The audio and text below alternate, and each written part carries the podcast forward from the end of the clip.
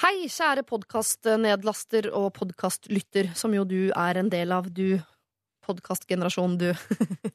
Egentlig skal jeg bare si korte, greie ting, men jeg merker at jeg har lyst til å bare prate og prate og skravle og skravle og aldri gi meg. Og grunnen til det er at jeg skal rett herfra videre på Ikea. Og Ikea på en lørdag, det er så grusomt at jeg vil heller bare sitte der og prate og prate og skravle og skravle og Men jeg har jo allerede gjort det i tre timer, og jeg merker at uh, selv jeg, som jo ble født pratende, lagd pratende antageligvis, vet ikke Håper egentlig ikke det.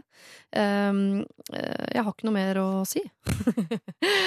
Så sjukt er det altså, folkens. Eh, men om en uke har jeg masse å si. Tre timer har jeg å si, da. Nå må jeg dra på Ikea. Ses i ballrommet.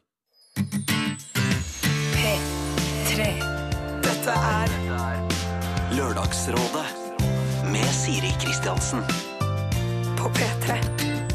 P3.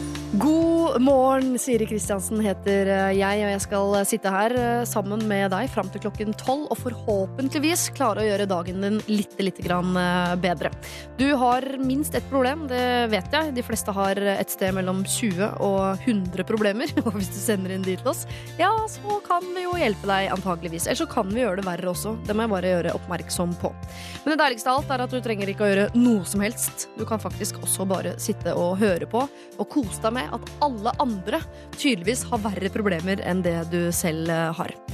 Alle er alltid misfornøyd med noe ved seg selv. Har du ikke for stor nese, så er øynene plassert for tett eller for langt fra hverandre. Har du krøllete hår, vil du ha rett. Har du små pupper, så vil du ha store, osv. Eh, alle er misfornøyd med noe. Sånn er det bare. Men det man kan trøste seg med, er at de tingene man selv er veldig misfornøyd med, er det ofte ikke så mange andre som legger merke til. Man gjør puppene større enn de er, og øynene tettere enn de egentlig er, og mer krøller rim av seg selv også enn det man egentlig antageligvis har. Tenk litt på det oppi det hele. Vi skal snart hjelpe en som har eh, noe hun er meget misfornøyd med, og jeg har all forståelse for det, for dette her er litt vanskelig, det kan jeg forstå. Lørdagsrådet. På P3. P3. For noen måneder siden, nærmere bestemt i januar, så hørte vi fra en gutt på 20 år som eh, skulle på en fotballtur med sin eh, far. Da han skulle se sitt favorittlag spille eh, fotball, men han gruet seg til turen fordi han og faren har hatt et veldig turbulent forhold. Han var usikker på om denne turen i det hele tatt kunne bli noe som helst hyggelig, og spurte Lørdagsrådet om han i det hele tatt skulle dra. Det var Else Kåss Furuseth, Hasse Hope og Håvard Lilleheie som var rådgivere, og dette er noe av det de kunne fortelle. P3. Absolutt, jeg ville dratt på det. Eh, ta dere et par koronas, hvis det er det man drikker i England. Nei. Sorry. Eh, og, og for å snakke litt ut om det på en sånn hyggelig måte. Og hvis du er heldig, så, så vinner laget som dere heier på. Dere kommer til å få en enorm gledesrus, og i den gledesrusen hopper du inn og tar opp masse problemer. Eh, Sånn akkurat etter scoring. Du er idiot! Pappa, hva skjer?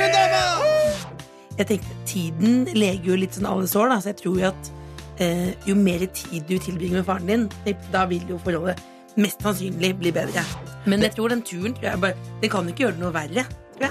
Har de, på en måte, jeg tror de har grodd litt inn i noen sånne litt kjipe roller der de negger mye på hverandre og, og krangler mye, og at de kanskje trenger denne litt sånn Trenger å dra på en tur sammen, noe de ikke gjør så veldig ofte. Og at kanskje det da vil oppstå at man vil finne igjen noe av den der barnlige eh, lekte gleden man hadde når man var litt mindre. Den gener farsgenerasjonen hans, da. Mm. Hvis jeg skal tenke at eh, samfunnet går sånn, litt sånn riktig vei på en eller annen måte, at det er liksom litt den siste generasjonen som er dårlig på å snakke med gutta sine. Ja. Dette er Lørdagsrådet. på P3. P3. Veldig fint sagt av Håvard eh, Lilleheie der, og det tror jeg også uh, gutt 20 som sendte inn problemet, er helt enig med meg i. For han har skrevet en mail, og han skriver der. God morgen, Lørdagsrådet, og tusen takk for alle gode råd. Jeg eh, så at pappa og jeg feida fra hverandre. Jeg trodde kanskje fotballturen ville bringe oss nærmere igjen.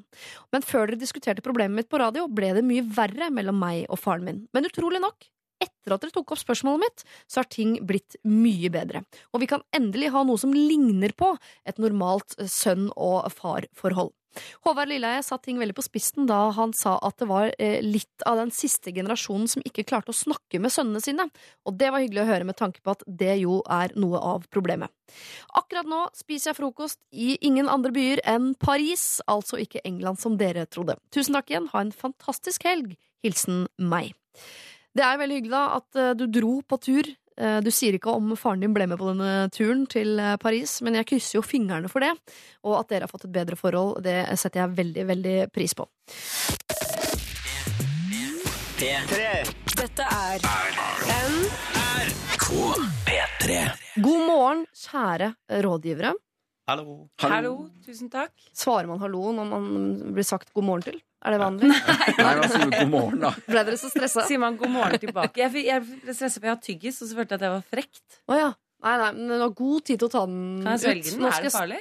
nå skal jeg snakke litt med Daniel Kvammen, så da kan du ta ut tyggisen hvor lenge. Det Du svelger den, ja. Jeg kan prate veldig lenge. sånn at det er... Men jeg svelger han, den. Å. Det går Fin du, Daniel. Hei, Daniel Kvammen. Hei. Ja. Eh, god morgen. Hva, skjer, hva skjer med trynet ditt? Som jeg pleier å si. Eh, jo, takk for det. Nei, jeg er litt sjuk. Eh, Det er mm, altså, litt sånn eh, på, Hvordan skal en si? Eh, Det påvirka mitt ytre. Ja. eh, Men jeg ofra jo alt for å komme her. For å eh, tjene folket. Spre pesten. Eh, spre pesten i eh, P3, men også tjene deg, de eh, stakkarene der ute som trenger å høre eh, jeg eh, har å mene om livet deres. For det er ikke noe gærent med intellektet ditt eller følelsene dine. Det er bare Nei, ikke noe eh, mer enn det har vært før, iallfall. Nei, ikke sant. Mm. God morgen til deg også, Nils Ingar Odne. Tusen hjertelig takk. Du er først og fremst komiker. Um, dernest påskebrun, vil jeg påstå. Ja, det, det, ja, det stemmer jo, det. Veldig skjærfordeling. Ikke noe, det er ikke noe gærent med huden hans. Det er ikke noe selvbruning. nei. Jeg tenkte faktisk på det idet jeg så det. Nei, nei. Det her er det altså, Du har vært på topptur.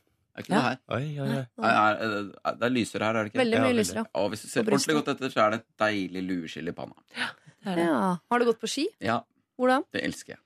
Eh, Beitostølen. Oh, ja. Der har jeg vært. Ja. Og gått på ski. Mil på mil. Mil på mil på mil. Ja. Og du, Jenny Skavlan? Du, Fortsatt gravid? eh, jeg er ikke sjuk. Det spørs nå etter at jeg klemte Daniel i sted. Nei, men jeg er ikke sjuk for nå. Nei. Nei. Nei, bare bra. vært. Sorry. Nå, nå tror alle at jeg er helt jævlig. Eh, Nei. Jeg holder litt avstand. Nei, jeg er ikke sjuk. Jeg er bare kjempegravid. Ja. Ja, du er kjempegravid. Jeg er mer bekymret for den tyggisen hun nå svelget, som har lagt seg som en sånn deilig liten hodepute nede hos ah, Jenny junior Tenk om jeg føder et barn som tygger tyggis. Tenk om det, de sier 'Å, nå kommer hodet', nå kommer hodet Og så Nei. kommer det en tyggisboble. Det har vært kjempemoro. Som baner vei. Sånn at Som når hodet kommer ut, så er det bare nesten deilig. Og så bare finner de ut at dette er sånn kvinner må føde for å slippe Det er veldig fint. Skal vi klippe navlestrengen? Skal vi bare ta ut tyggisen først? Det hadde vært typisk om det var du som banet vei for en ny type måte å føde på. Jenny Ja. Skavlan. Det Jeg synes det hadde det. Redesigne måten å føde på. Så vi har en gravid blant oss, og dere gutta, er dere fortsatt single? Ja da. Var ikke meningen å gni det inn på den måten, men eh, Still going strong. hva leter dere etter, da? Hva vi leter etter? Ja. Nei, jeg leter etter ei ordentlig bra dame, da. Ja. ja, du gjør det, ja? Tydeligvis litt for bra. Ja. Ja. Det høres kjent ut. Er det også ditt problem, ja. Daniel? Eh, Det er også mitt problem. Eh, Du sikter for høyt, rett og slett? Sikta for høyt. Ja, ja, det er lov å prøve. Ja, det er, lov å På et eller annet tidspunkt må dere gi opp de greiene der, gutter. Ja, ja. det må jeg bare si fram. Vi skal ta en kjapp runde på eh, tre ting. Eh, bolig. Hvordan type bolig bor dere i? Eh, hva slags livssyn har dere? Alt fra uh, muslim til halvtomt, ikke halvfullt, hvis dere skjønner uh, hvor jeg er. Eh, og om dere har noen dyr, og hvor konfliktsky dere er. Vil du begynne, Jenny? Ja, hvis jeg husker alle de tingene. ja. Jeg bor i en gård på Fredensborg i Oslo. Mm. Fjerde-femte etasje, som jeg har hørt at ikke er ideelt når man begynner å presse ut tyggisbobler og unger. Så vi får se hvor lenge jeg blir bonde der. Så var det religion. Eller livssyn, da. Eh, ja, jeg, jeg, har jo konfirmert meg borgerlig, Mm. så jeg er jo medlem av Humanistisk eh, Forbund. Ja, det er man Tror da. jeg. Ja, Er man ikke livsmedlem da? man, Jeg tror man blir det selv, det automatisk. Jeg får ikke så mye mail og sånn, men uh, innbill meg at jeg er det. Ja. Det ser jeg fint. Konfliktsky er du det, eller? Jepp. Så bra. Hva med deg, Nils Ingar? Konfliktsky, ja. Ja. Ja da. Veldig. Det er veldig sjeldent at noen svarer nei på det spørsmålet. ja, det er veldig sjelden. Uh, det er ganske rar hvis du liksom Jeg elsker konflikter. Ja, det er ofte slitsomme folk, de som svarer er nei på det spørsmålet. Ja, men uh, jeg er ikke sånn eh, Jeg er ganske konfliktsky. Jeg prøver å unngå det, men det er ikke sånn helt krise. Eh, bor i en leilighet på Fornebu. Ja. eh, med balkong, utsikt til sjøen, og er helt topp. Ja. Der bor jeg, og bare pensjonister og barnefamilier. Så der, Og da finner du ikke drømmedama? altså-? Nei. det er Nei, merkelig. det, altså. Finner ikke hun der. Livssyn? Uh, livssyn. Uh, borgerlig konfirmert. Akkurat fått vite at jeg da er medlem av Humanistisk uh, Forbund. Så da er vel jeg også det, da. Ja, vi er en snart. Åssen er du der, eh, Daniel? Borgerlig konfirmert? Uh, nei, jeg er faktisk kristelig konfirmert, men eh, det, det, eh, jeg tror ikke jeg hadde kommet dit at jeg tok eh, stilling til det på dette tidspunktet. Nei. Så Men er du personlig kristen? vil du påstå? Nei, jeg vil ikke påstå at jeg, nærma meg et slags ateistisk uh, tilværelse. Eller, ja. Eh, men, men jeg syns jo det er veldig interessant. helgene, si. Nei, men jeg syns det er veldig interessant med sånn univers eh, Altså sånn hvis man ser på uh, Nei, samme det. det her Og du er gæren, er det det du prøver å si? Tror du på Ja. engler? Hæ? Tror du på engler? Nei, på ingen måte. Nei. Uh, nei. Men dyr, har du det? Eh, ingen dyr har nok eh, med å ta vare på meg sjøl. Mm. Mm. Bolig, har du det? Eh, ja, jeg bor i et kollektiv nå. Eh, ja. Eh, veldig hyggelig. Veldig hyggelig folk. Ja. I Oslo, eller? I Oslo. Oslo. Midt i liksom Midt i gryta. Hva slags folk bor du med? Jeg bor med en av Norges fire eneste fire utdanna folkemusikkdansere. Det er bare for å eh, stadfeste stereotypene rundt meg sjøl. Kvinner? ja, uh, det er damer, ja. Begge to. Single? Eh, ja, det er single. Men jeg kan jo ikke være sånn. Det er veldig hyggelig, altså. Med for Den dialekta der hadde kledd en Det kone som drev med folkedans. Da, for å si det sånn. Hæ? At Er ikke det perfekt med en uh, vakker liten folkedanser som bor i et kollektiv i Oslo? jo, men kan, nei, eller jo Beste fra bygda, beste fra byen, liksom? Eh, Vi skal snakke litt mer om det etterpå, Daniel. For her tror jeg kanskje Jeg vi er inne på noe. sånn at jeg kan jo ikke drive Her skal jeg liksom bo i sånn ro og make med de folka. Jeg kan ikke begynne å liksom eh, Det er sånn overførbart, det derre Don't dip your pen in the company ink, eller noe sånt. Nå. Skjønner, skjønner, er skjønner. Ja, Fordi du er en litt konfliktsky type òg, ikke sant? Nei, jeg, jeg tenkte sånn Det er ikke sånn for å være psykopat der, men jeg Nei. tror egentlig ikke jeg er det. altså Nei. Eh, Det er ikke det at jeg liker konflikt, men jeg har ikke noe imot å ta en konflikt hvis det skulle være sånn. Så bra, det er, det er veldig bra at du er her. Jeg tenkte det før du sa det også, men det er veldig veldig fint at vi i hvert fall har én representant for de ikke-konfliktskye eh, her i dag. For da kan du uh, ta den retningen når vi skal gi råd nå fram til klokka tolv.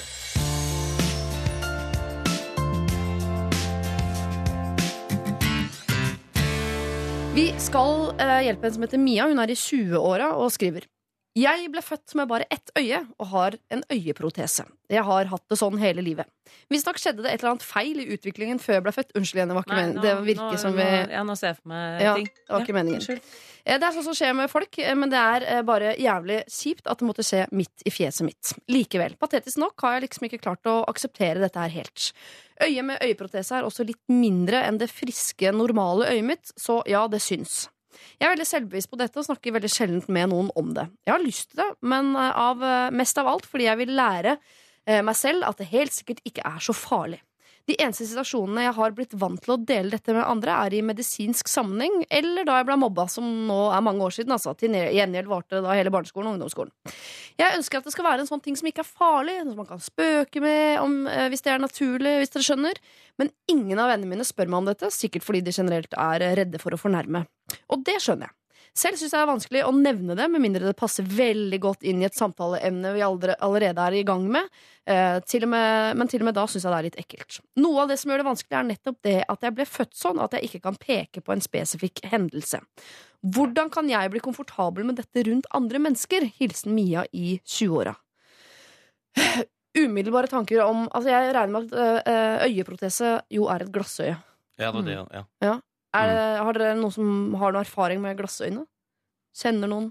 Har noen Ja, jeg kjenner eh, et par stykker, faktisk. Som, Med glassøyne. men det har vært en ulykke, ja. Ja. Uh, men jeg tenker jo at det er jo et veldig fint utgangspunkt, fordi hun ønsker å kunne tulle litt mer med det. Men hun føler ikke at, uh, at uh, vennegjengen hennes og at de er helt klare for det. At de har ikke helt sånn opparbeidet den sjargongen ennå. Mm. Eh, som er jo mye bedre enn hvis det var motsatt. At de tullet med det, og ikke hun Det hadde var vært komfortabel med det. Ja. Som det var Eh, på barne- og ungdomsskolen, antagelig. Antagelig sånn som det var på barne- og ungdomsskolen. Mm. Jeg skjønner jo også veldig godt at folk er skeptiske til å tulle med det, når hun jo, for de vet sikkert at hun har blitt mobbet tidligere. Og det Mm. er jo ikke sånn som man tenker at man skal tulle med. Står det hvor gammel hun var? Det står eh, i 20-åra. Det kan 20-åra, være alt fra 21 okay. til 29, det, da.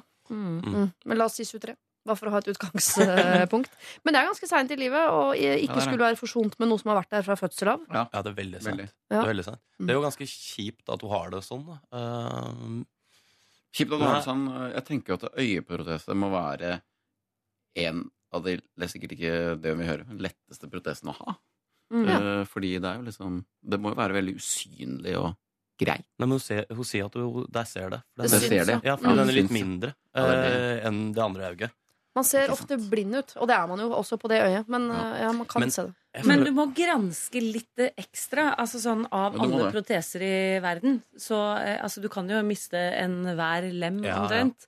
Ja. og det fører jo ikke til halting, og jeg tror ikke det fører til på en måte eh, smerter eller veldig mye At det er så upraktisk som veldig mye annet. Ja, det er Det er litt sånn hvordan man legger hår håret eh, sitt problem. og sånt. Ja. Ja, Ja. fordi det her, jeg tenker på det at eh, det er jo på en eller annen måte sånn um, uh, nå, nå hadde vi en stor sak nå etter jul med en veldig sånn um, kjent musiker som er død.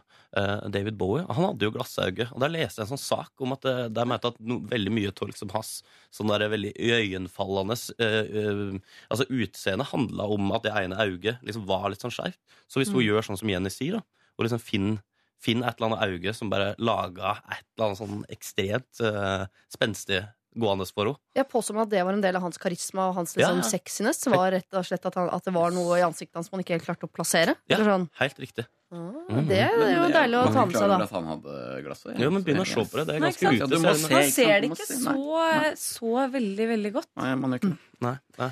Eh, Vi har forsont oss eh, med at eh, det fins glatte øyne der ute.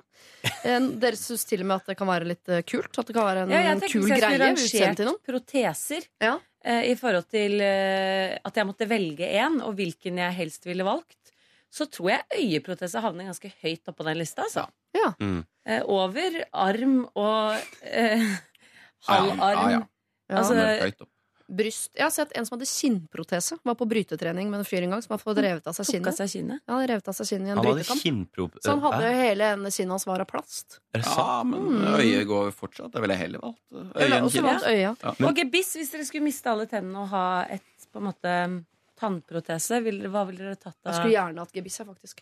Ja. Ja. Sikkert ubehagelig. Hvite, fine, rette tenner som du kan ta ut om kvelden. Ja. Lite digg. Tar av når du tar av olabuksa og tennene på kvelden og legger deg og ser på TV. Ja. Det høres helt nydelig ut. Sette på på det. åpne og sånn når Hvor er la jeg tenna? Men Mia, eh, hun, eh, det hun savner, er at, folk, eh, at hun kan forsone seg nok til det. At, altså, jeg, jeg tenker at rekkefølgen er at Hun må være så komfortabel med det at det utstråles i såpass stor grad at til og med de rundt henne kan begynne å tulle med det. Mm. Hvordan, hvordan går man fram da? Er det ikke bare Ok, det er kanskje litt sånn enkelt svar, men jeg tenker sånn her, hun må jo bare begynne å prøve seg fram. Med liksom bare prate om det. Hun, hun, hun, hun sa det at hun ikke hadde hun, hun følte seg ikke komfortabel med å prate om det. Eller, Nei, og- bare blant leger og sånn. Ja, men altså, folk veit jo at det er der, liksom. Eh, Ja. Det er jo ikke sånn at folk ikke legger merke til det. det, det så, så jeg tenker liksom sånn eh, Hvis du ikke er en morsom person, så hadde jeg kanskje ikke prøvd å være morsom rundt det. Da hadde, tror jeg jeg bare hadde sagt det, liksom sånn, bare putta det inn. Men hvis du liksom kan være litt morsom, og sånt, så er det bare å begynne å tulle litt mer. jeg jeg- Eh, jeg bare at- kjenne på hva som er riktig. Er ikke Mia Beklager, Mia, altså, men er ikke Mia veldig mye mer opptatt av dette enn det folk rundt er? Jeg tror ikke det er grunnen til at ikke de rundt henne snakker om det er for det er ukomfortable. Men jeg tenker sånn, det er jo ikke så Man mye å venner seg til sånt veldig lett òg. Hvis man er sammen Mm. med en person mye, så merker man ikke sånne ting. Altså skjevheter og eh, Så jeg tenker jo at det, det der Altså Hvis hun har et behov for å kunne tulle litt mer med det, så må hun åpne den døren selv. Ja. Men de rundt henne tuller kanskje ikke så mye med det, fordi de, de tenker ikke så mye over det.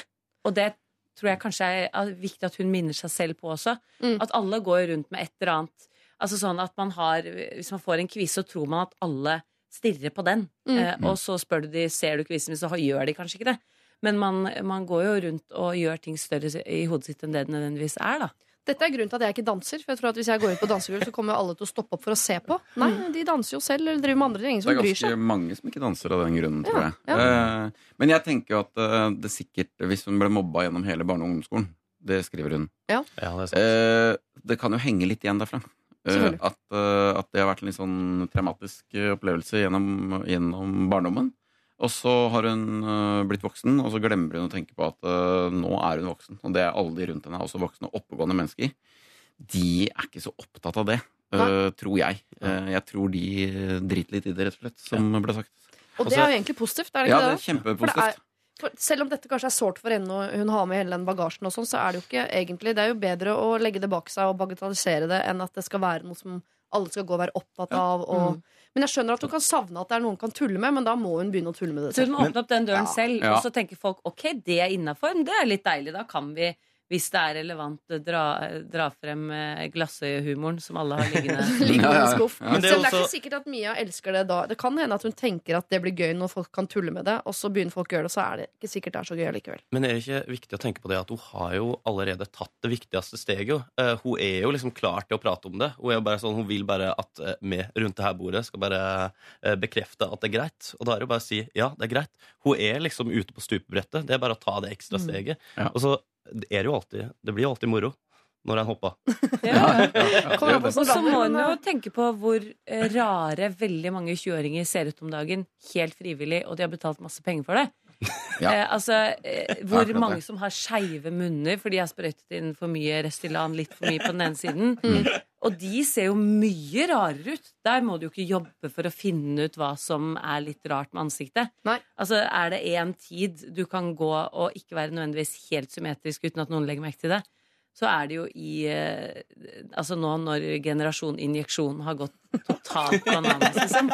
Og de Jeg tenker over det kjempeofte. Sånn, for eksempel sitter på kafé, og en eh, servitør har brukt dipsen sin på eh, å sprøyte opp leppene, så blir jeg sånn Ser ikke du hvor rar du ser ut? ja. Men Og det tenker jeg så mange ganger. Og de kan, jo ikke, de kan jo ikke si at de er født sånn.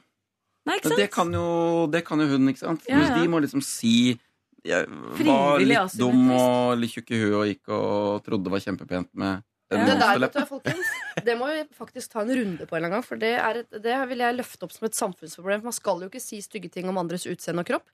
Men når folk har gått inn for å få det utseendet og den kroppen de har, kan vi fortsatt ikke kommentere det? Er det, er det fortsatt ikke lov å baksnakke det eller kommentere? Det kan vi ta en runde på en eller annen gang. Bare send det inn til LR-alfakrøll. Samfunnsproblem. Hilsen meg. Men altså, det jeg syns jeg hører at dere sier, som jeg må da si videre til deg, eh, Mia, er eh, hvis du vil tulle med det, så må du tulle med det først. Hvis du vil snakke om det, så må du bare snakke om det. Men det du kan hele tiden tenke og føle, er at dette er ikke så stort for de rundt deg. Det er ikke sånn at de går og tenker på det, men ikke tør å si det. De har blitt voksne, akkurat sånn som deg. De har ikke med seg din bagasje, din fortid. Det er ikke noe de går rundt og er bevisste på. Så det deiligste for kanskje deg, er å bli med på det, da. Slutte å være så bevisst på det, hvis det er noe du klarer. Lørdagsrådet med Siri Kristiansen. På P3. Carpe Diem påstår at det er lett å være rebell i kjellerleiligheten din. Ikke, veit jeg, for å være helt eh, ærlig. Dagens rådgivere er komiker Nilsi. Er det lov å stoppe der? Det er lov å si det. Eh, musiker Daniel. Kan være så mange. Det kan Mm. kanskje ikke det? Hæ? Er det noen flere de- musikere som heter Daniel? Uh, pa Powter? Nei. Aldri hørt om. Aldri hørt om. Aldri hørt om. Daniel på 2000 Radcliffe. Ja. Han er skuespiller, Ja. Mm. Eh, Daniel Beddingfield. Ja. Ja, der er vi. Hvem er det? Hva- eh, han eh, er søstera til hun Natasha Beddingfield, og en av de har Oi. vært med i American Idol. Jeg Ok. vet ikke. Jeg er altså ikke med. Fyll på med informasjon Ja. om dere har. Eh, og Jenny Skavlan kalte jeg stilikon uh, i stad, og nå tenkte jeg skulle gå for um, eh, forfatter.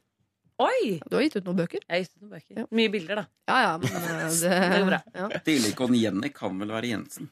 Det Ikke sant? blir Det er sant, det kan bli forvirrende. Hun er et stilikon for mange. Ja. For veldig mange. Veldig altfor mange. Alle som er glad i jul. Og bobbysocks og den slags. Eh, Vi skal ta et dilemma som Unni har eh, sendt inn til oss, for her eh, står det. Det har seg sånn at jeg og min samboer skal i bryllup en helg i juni. Det er ikke snakk om et hvilken som helst bryllup, men et av større betydning. Det er min egen beste venn som gifter seg, og min samboer skal være forlover og spille i bandet.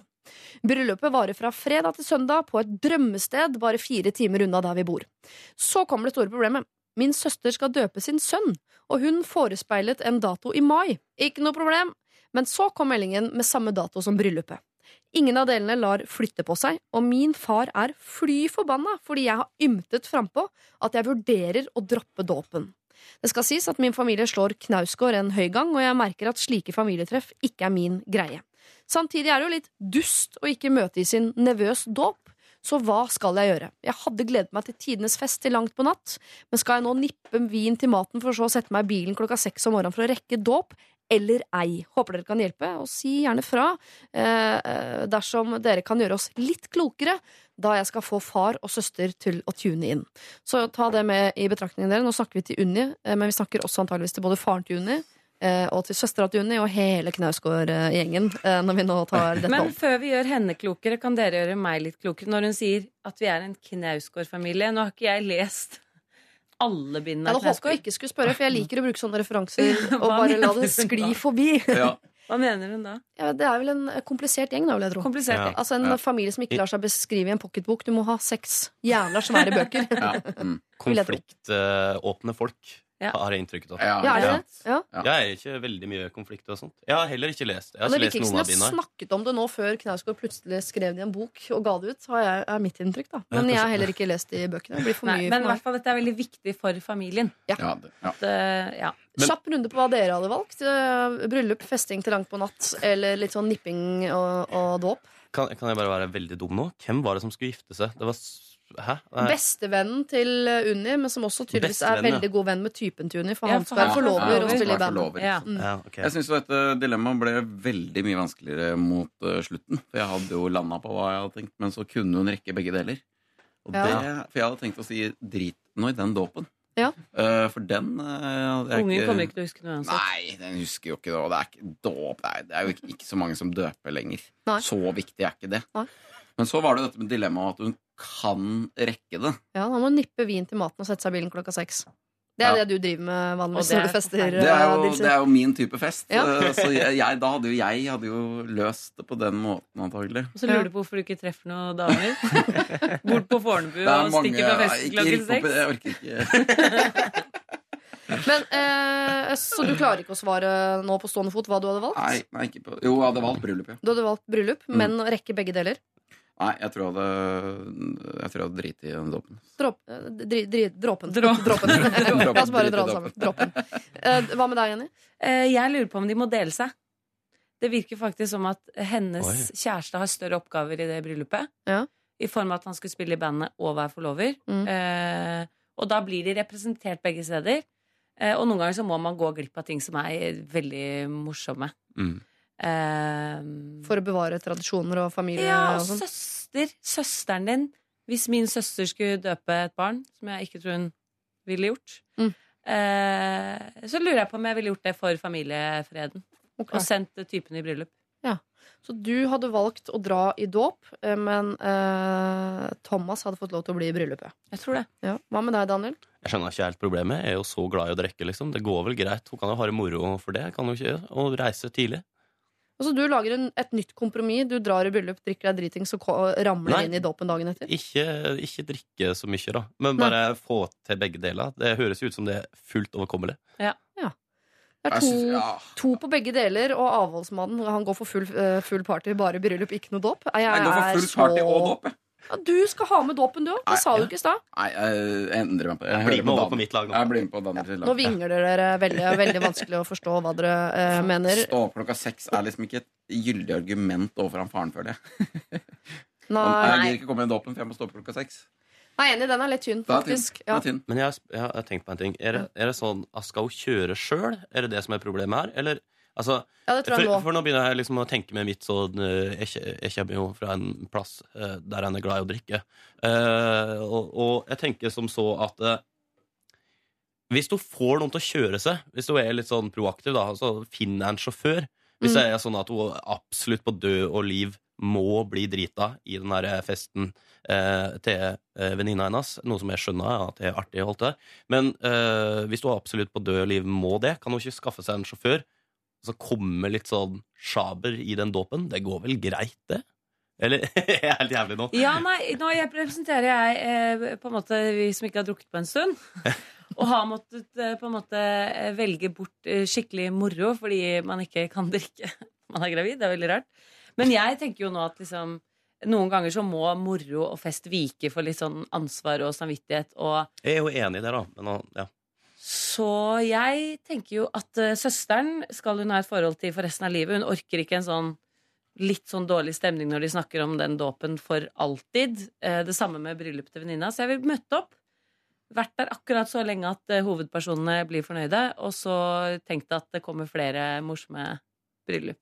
De få dåpene jeg har vært i, har aldri blitt nevnt i ettertid. Det virker ikke som det engang er viktig for de som arrangerer sjølveste dåpen.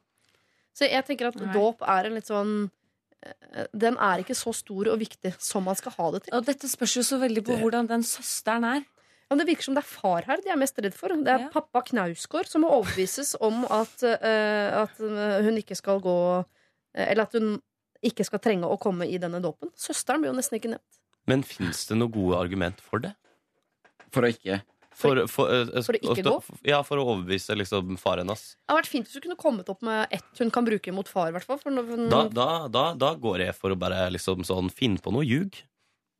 At, du ikke, at det er kø eller har vært en bilulykke. Eller Ja, noe et sånt. eller annet der. Ja. Det går an. Jeg var litt vinglete i starten, men jeg har blitt soleklar. Så, så lenge det er mulig å få til begge deler, så tror jeg hun kommer til å angre på at hun ikke gjorde begge deler, fordi hun kommer til å bli, kan bli konfrontert med det i ettertid.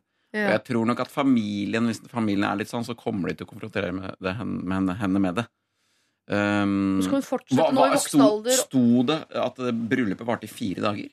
Er f- Fredag til søndag. Fredag til søndag. De har sikkert leid et litt sånn landlig sted. Ja, hun kan dra ned dit tidlig på fredagen, får en kjempekveld på fredagen, bryllup hele lørdagen, alle er eh, godt Herlig. fornøyd, Mm. og så er hæla i taket på fredagen, og så bare sklir hun ut litt sånn i todraget på lørdagen, Mm. sover fire timer og kjører hjem. Og nå, hva er det hun heter? Vet du, Unni? Ja, og nå skal du høre det, Unni. Altså, min tante I dag så går jeg med liksom smykket som jeg fikk av henne til dåpen min. Tenk hvor viktig det har blitt for meg. Ja. Altså, tenk, altså eh, din, Du skal være tante her, ikke sant? Eh, og det her, du kan være der og for meg sorry. Ja, men- Jeg prøvde å ha ja. Men det er en dårlig start hvis du har tenkt å bli drømmetante og ikke komme i eh, dåpen fordi du, du er bakfull. Mm. En av Det er en litt dårlig start uh, på det forholdet som hun skal ha til dette barnet, antagelig. Men jeg, Men nå snakker vi som om det er viktig for veldig mange, og det vet vi ikke. Hvis det bare er viktig for far at Unni kommer i dåpen, det er ikke så viktig for søstera. Unni sjøl er ikke opptatt av dåp eller tradisjoner eller familie eller whatsoever. Hun er en litt sånn happy-go-lucky-type som bare vaser rundt og surfer og drikker og er litt Det vet jeg ikke. Eh, skal vi likevel ta det hensynet? Siste kontrollspørsmål fra meg her. Hensyn til far, da. Ja. Han er jo en uh, viktig figur i, i familien. Det er greit å ha han på lag. Det er greit å ha far på lag, altså. Mm. Mm. Jeg syns det. Sorry, Unni. Jeg prøvde altså så eh, godt jeg kunne å få deg til å uh, ha hæla i taket, både fredagen og lørdagen i dette bryllupet, men jeg klarer ikke å få med meg dagens rådgivere, dessverre. Her må vi gå for en eh, løsning som involverer at du får med deg begge deler. Et uh, bryllup som blir ganske gøy. Eh, men måteholdent på lørdag, for på søndag så må du opp klokken seks, sette deg i bilen, og du må dra i dåp og feire din nevø og starten på et livsvarig Sørg for å ta masse bilder i når du er i den dåpen, så du har noe å referere til eh, senere. Det må du absolutt gjøre. Vi skal uh, høre 21 Pilots vi er med Stressed Out her i Lørdagsrådet. Og til deg som hører på, så må du gjerne sende inn problemet ditt. Vi sitter her til klokka tolv, og jeg er her neste lørdag, neste lørdag, neste lørdag, neste lørdag. neste lørdag I en år og måneder framover. alfakrøll lralfakrøll.nrk.no er adressen.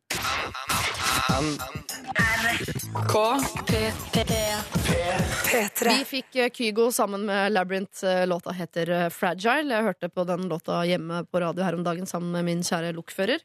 Og sa den låta der, ass. Sorry. Så en mann som med sår stemme synger I'm fragile. Sånne menn, det kan vi ikke ha. Og så så jeg at han ble kjempenervøs. Og jeg sånn, å, unnskyld, unnskyld. Altså, hvis du blir lei deg noen gang og vil gråte sånn, eller så må du bare gjøre det. Altså, jeg liker deg for det, men jeg er kanskje ikke så glad i menn som skriker at de er sårbare. Så du liker ikke følsomme menn som synger om det? Eh, jo, som, som sangere liker jeg det, men jeg får ikke lyst til at de skal slenge meg i veggen og, og formere seg med meg. Det får, greit, det får jeg det ikke kjempelyst til. Okay, greit, greit. er derfor det er trygt at du sitter ved siden av meg her i tenker ikke at de er like drøye andre veien, da? Hva da? At når de først får utløp for det der emosjonelle, Ja, så på en måte blir de Tyranna. dyr etterpå. jeg tror de er gode på det myke. På kosen tror jeg de er Ja. gode. Ja. Mm. Jeg hadde faktisk en sånn, som sa det til meg i et intervju en gang. Så hun bare sånn derre Oi, det, det er der er låtene dine, det er veldig fine og sånt, men så hører jeg på tekstene og så tenker jeg sånn, du må jo være et udyr. Oi, Ja. Oi! er du det? Eh, nei, det sa jo Theo at nei, det ikke, stemmer ikke. Ikke i det hele tatt? Eh, kanskje innimellom. Nei. nei. Jo, Selvfølgelig er han det. Oi, oi, oi. Det hadde i hvert fall hun sett for seg. Jeg redder situasjonen jeg, ved å gå fort videre til en eh, mail som jeg har fått fra eh, Maria her, hvor hun skriver Hei, jeg digger dere. Kjæresten min elsker å gå på ski, og hans store håp er at jeg også skal digge det. Problemet er bare at jeg er ikke så glad i det. Jeg har vært med noen ganger, og hver gang blir jeg frustrert. Jeg blir frustrert over føret, jeg er redd for nedoverbakker, jeg glipper i oppoverbakker, jeg blir sliten, jeg blir lei. Og flere ganger har jeg gått med tårer i øya nesten hele turen. Jeg syns langrenn er en flott sport, ja, men jeg vet ikke om det er noe for meg. Jeg tror han ser for seg at vi skal ta lange turer i skogen sammen, og med barn i pulk osv. når den dag en gang måtte komme. Bør jeg bare øve mer, eller bør jeg gi han en beskjed om at dette ikke er noe for meg, og at han ikke kan håpe på noe mer? Stor klem fra Maria. Skal vi tvinge Maria ut på ski, folkens? Det er jo tross alt Norge, ja faen. Ja, Maria må gå på ski. Ja. Nei, jeg vet tulla. Hva tenker du? Eh, Her tenker jeg at Nilsi, du kommer til å slå et ganske sånn, hardt slag for langrenn her. Ja, men jeg slår et veldig hardt eh, slag for langrenn. Jeg syns du skal ut på ski, men eh, de må ikke for enhver pris gå sammen. Altså. Det, det går ikke an. Nei. Fordi eh, hvis jeg hadde vært i den situasjonen La oss nå helt hypotetisk si at jeg hadde møtt en dame, da. På Fornebu. På Fornebu. Eh, uten barn. Uten barn. Eh, så hadde, og hun hadde hata å gå på ski. Så hadde jeg ikke villet hatt med henne å gå på ski. Det gidder jeg ikke. Da fikk heller ski være min ting, og så gjør vi andre ting sammen. Ja, men Tror du da at Maria eh, kommer til å gå på ski på egen hånd? Er det det du tror? Nei, det er jeg enig i, men det går jo an, å ta no, det går an å gå litt forskjellige typer turer her. Ja, Eh, altså, han Mm. kan gå noen turer hvor han øh, gjør sin greie, og så kan de gå noen sammen. Det er jo hyggelig å gå en sånn påsketur og bare hvor det ikke er så stress. Ja, Ah. altså, for det, det, det, det jeg tenker er at det høres ut som eh, at han kanskje tar henne med på litt for lange turer. Eh, han, eh, hva er han het, han typen? Nei, det vet vi ikke. Nei, ok, men uansett da at eh, mm, han jeg tror Kaller han går, Petter. Petter, Petter går litt for hardt ut. Eh, fordi det her handla om at jeg syns hun skal si nei eh, til å gå på ski. Ja. det er jo en fantastisk sport.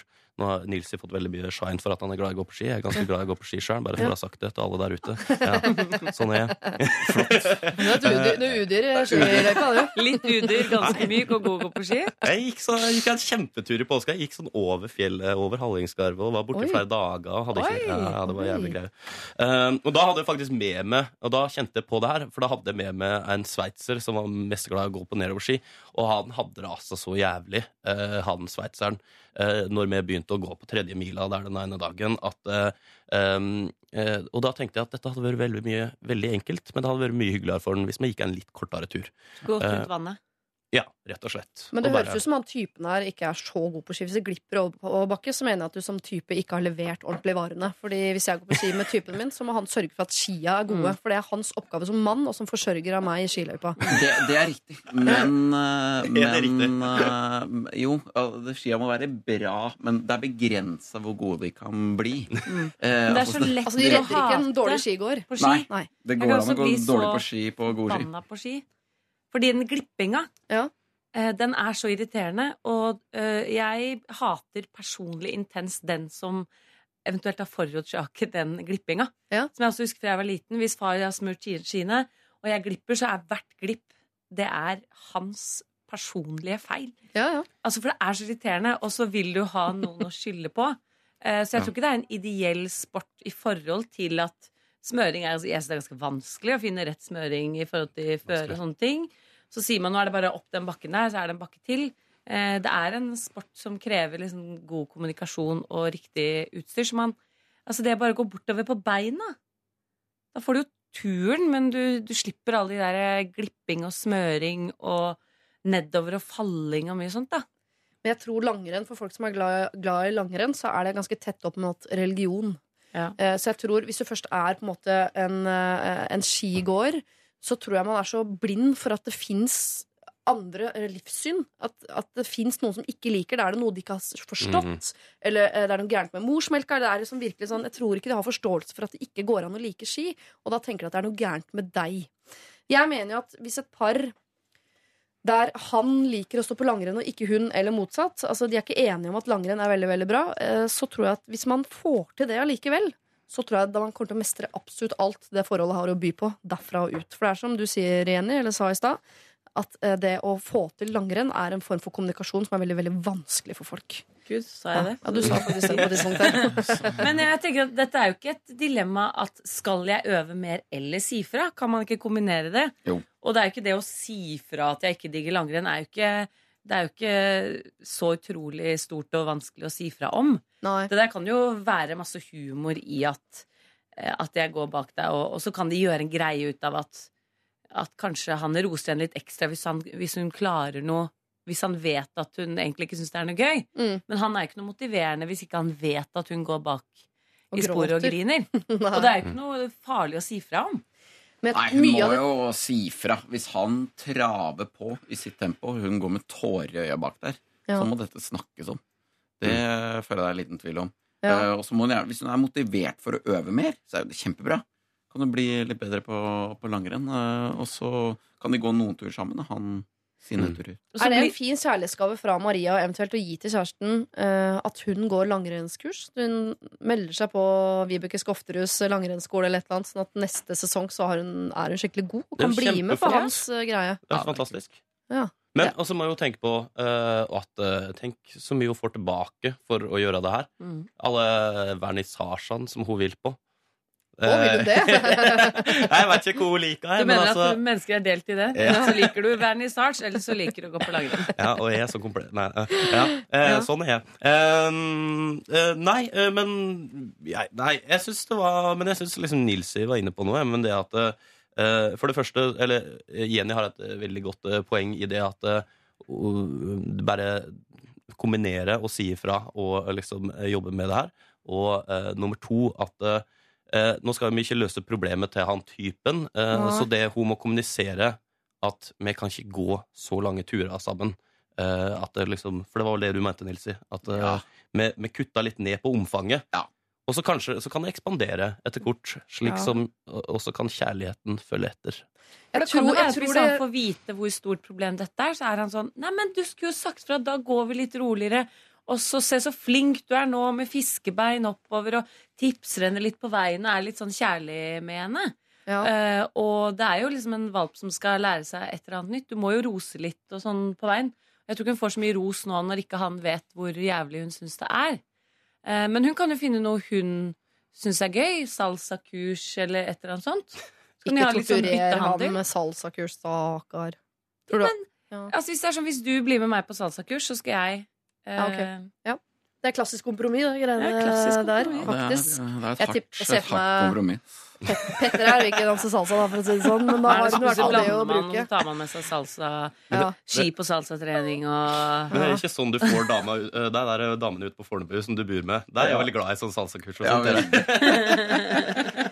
Men jeg må si at jeg har masse sympati med Maria her, for jeg tror når hun går bak og gråter og ikke har snakket med han og dette etterpå, som dere rister litt på hodet av, for jeg snakker dere ikke om det, der, er bare si fra sånn, det er for at Maria vil at Petter skal tenke at hun er sånn som også er god. Hun vil ikke avsløre at hun ikke er god i noe som hun tror at han liker at hun er god i. Det er akkurat som man selger seg inn i begynnelsen som sånn jeg bare husker det så innmari godt selv. At jeg gikk på uh, langrenn med, med lokføreren, og han er sånn i tights som uh, spurter av gårde. Jeg gikk bak og banna, men smilte når han så bak og la som Ja, jeg er langrennsjente. Jeg vet det, akkurat sånn du har lett etter i alle år.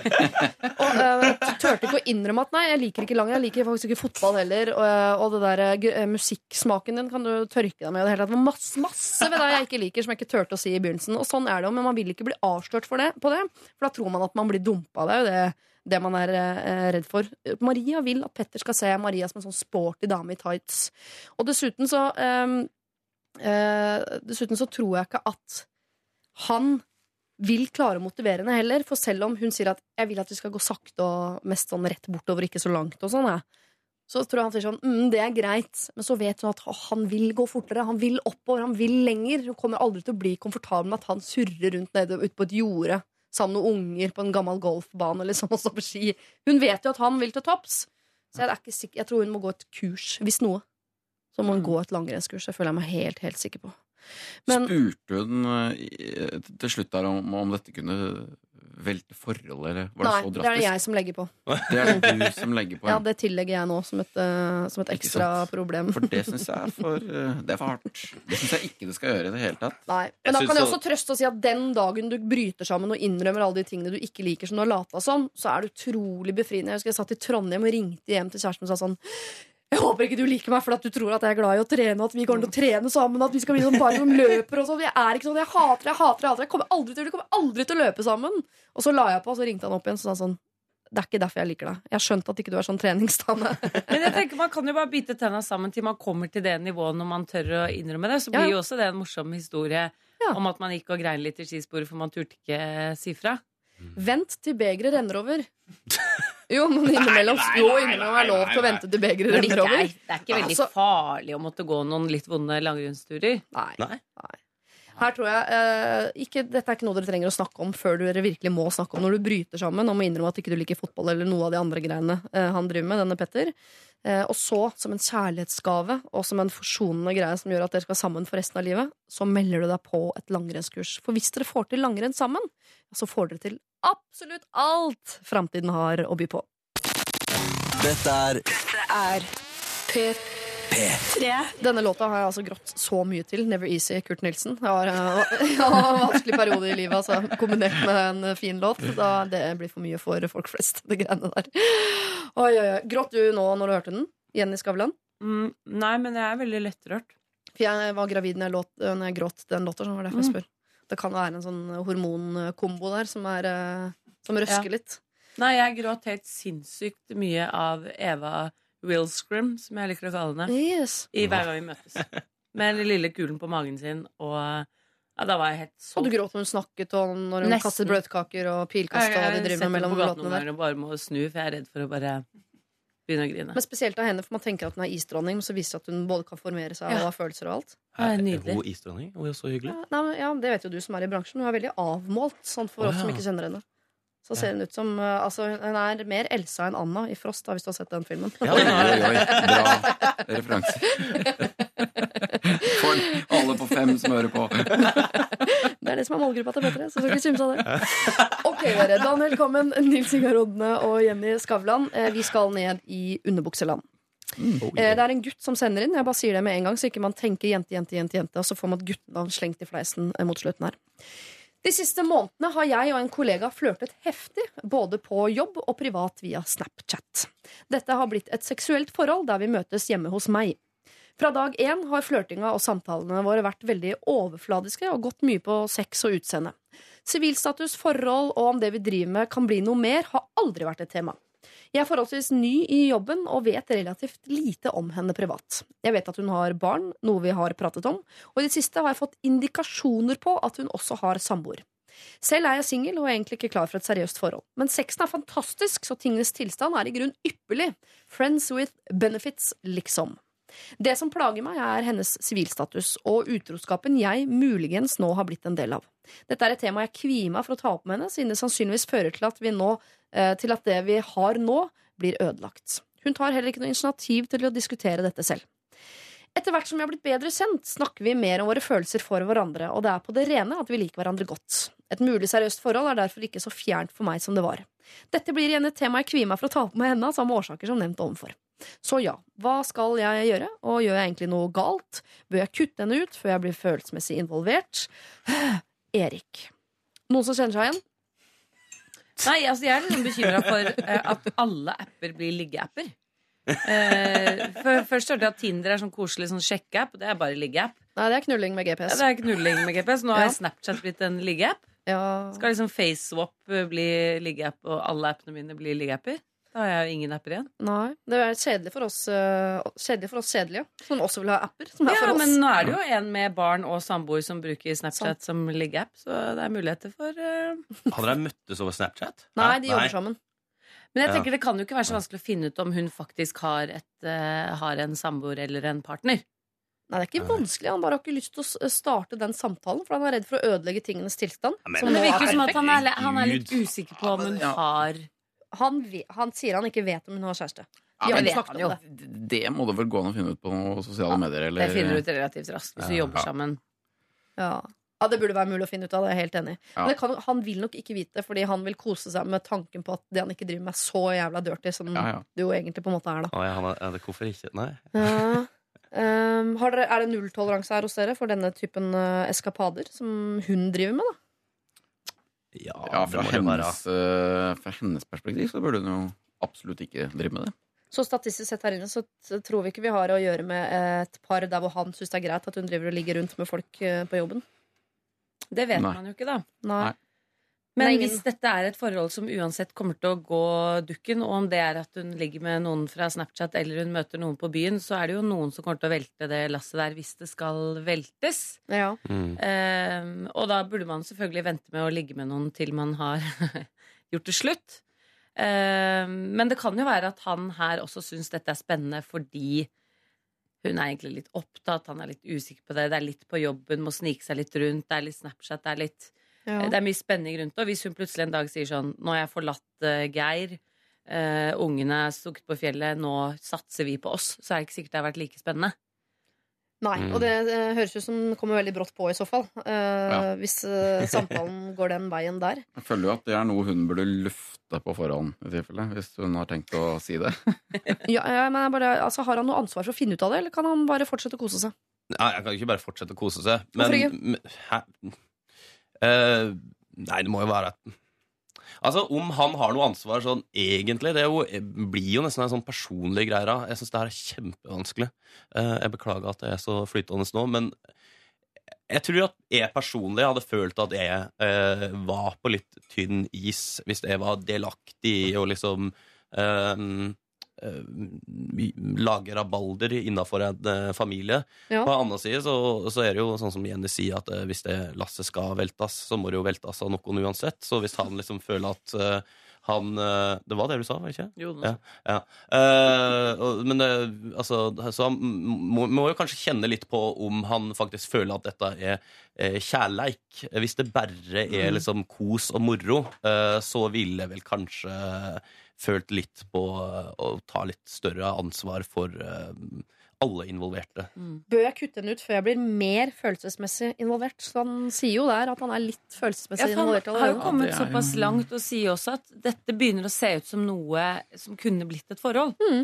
Eh, og hvis han har kommet såpass langt mentalt i forhold til å tenke det, Mm. så tenker jeg at det som burde ha kommet før du tenkte det, er jo å faktisk finne ut av hvilken livssituasjon hun er i. For det har jo ganske mye å si i forhold til hvordan forløpet blir videre hvis, det, hvis han ser for seg at det kan bli noe mer alvorlig. da Det tenker jeg må, det, det må han finne ut. men er det ikke Eh, sjukt søkt at han ikke veit allerede? Jo, det er Jo, det er veldig rart. Det er kjemperart. Altså, Ja, eh, men det var jo som noen sa her, at det må jo kunne gå an å finne ut av dette på noen sosiale medier. eller noe sånt. Og hvis det er sånn at ingen på jobben skal liksom eh, finne Hvis det er liksom hemmelig på jobben, og sånt, Ja, ja. og han ikke kan spørre noen, så må det jo finnes noen sosiale Mm. medier.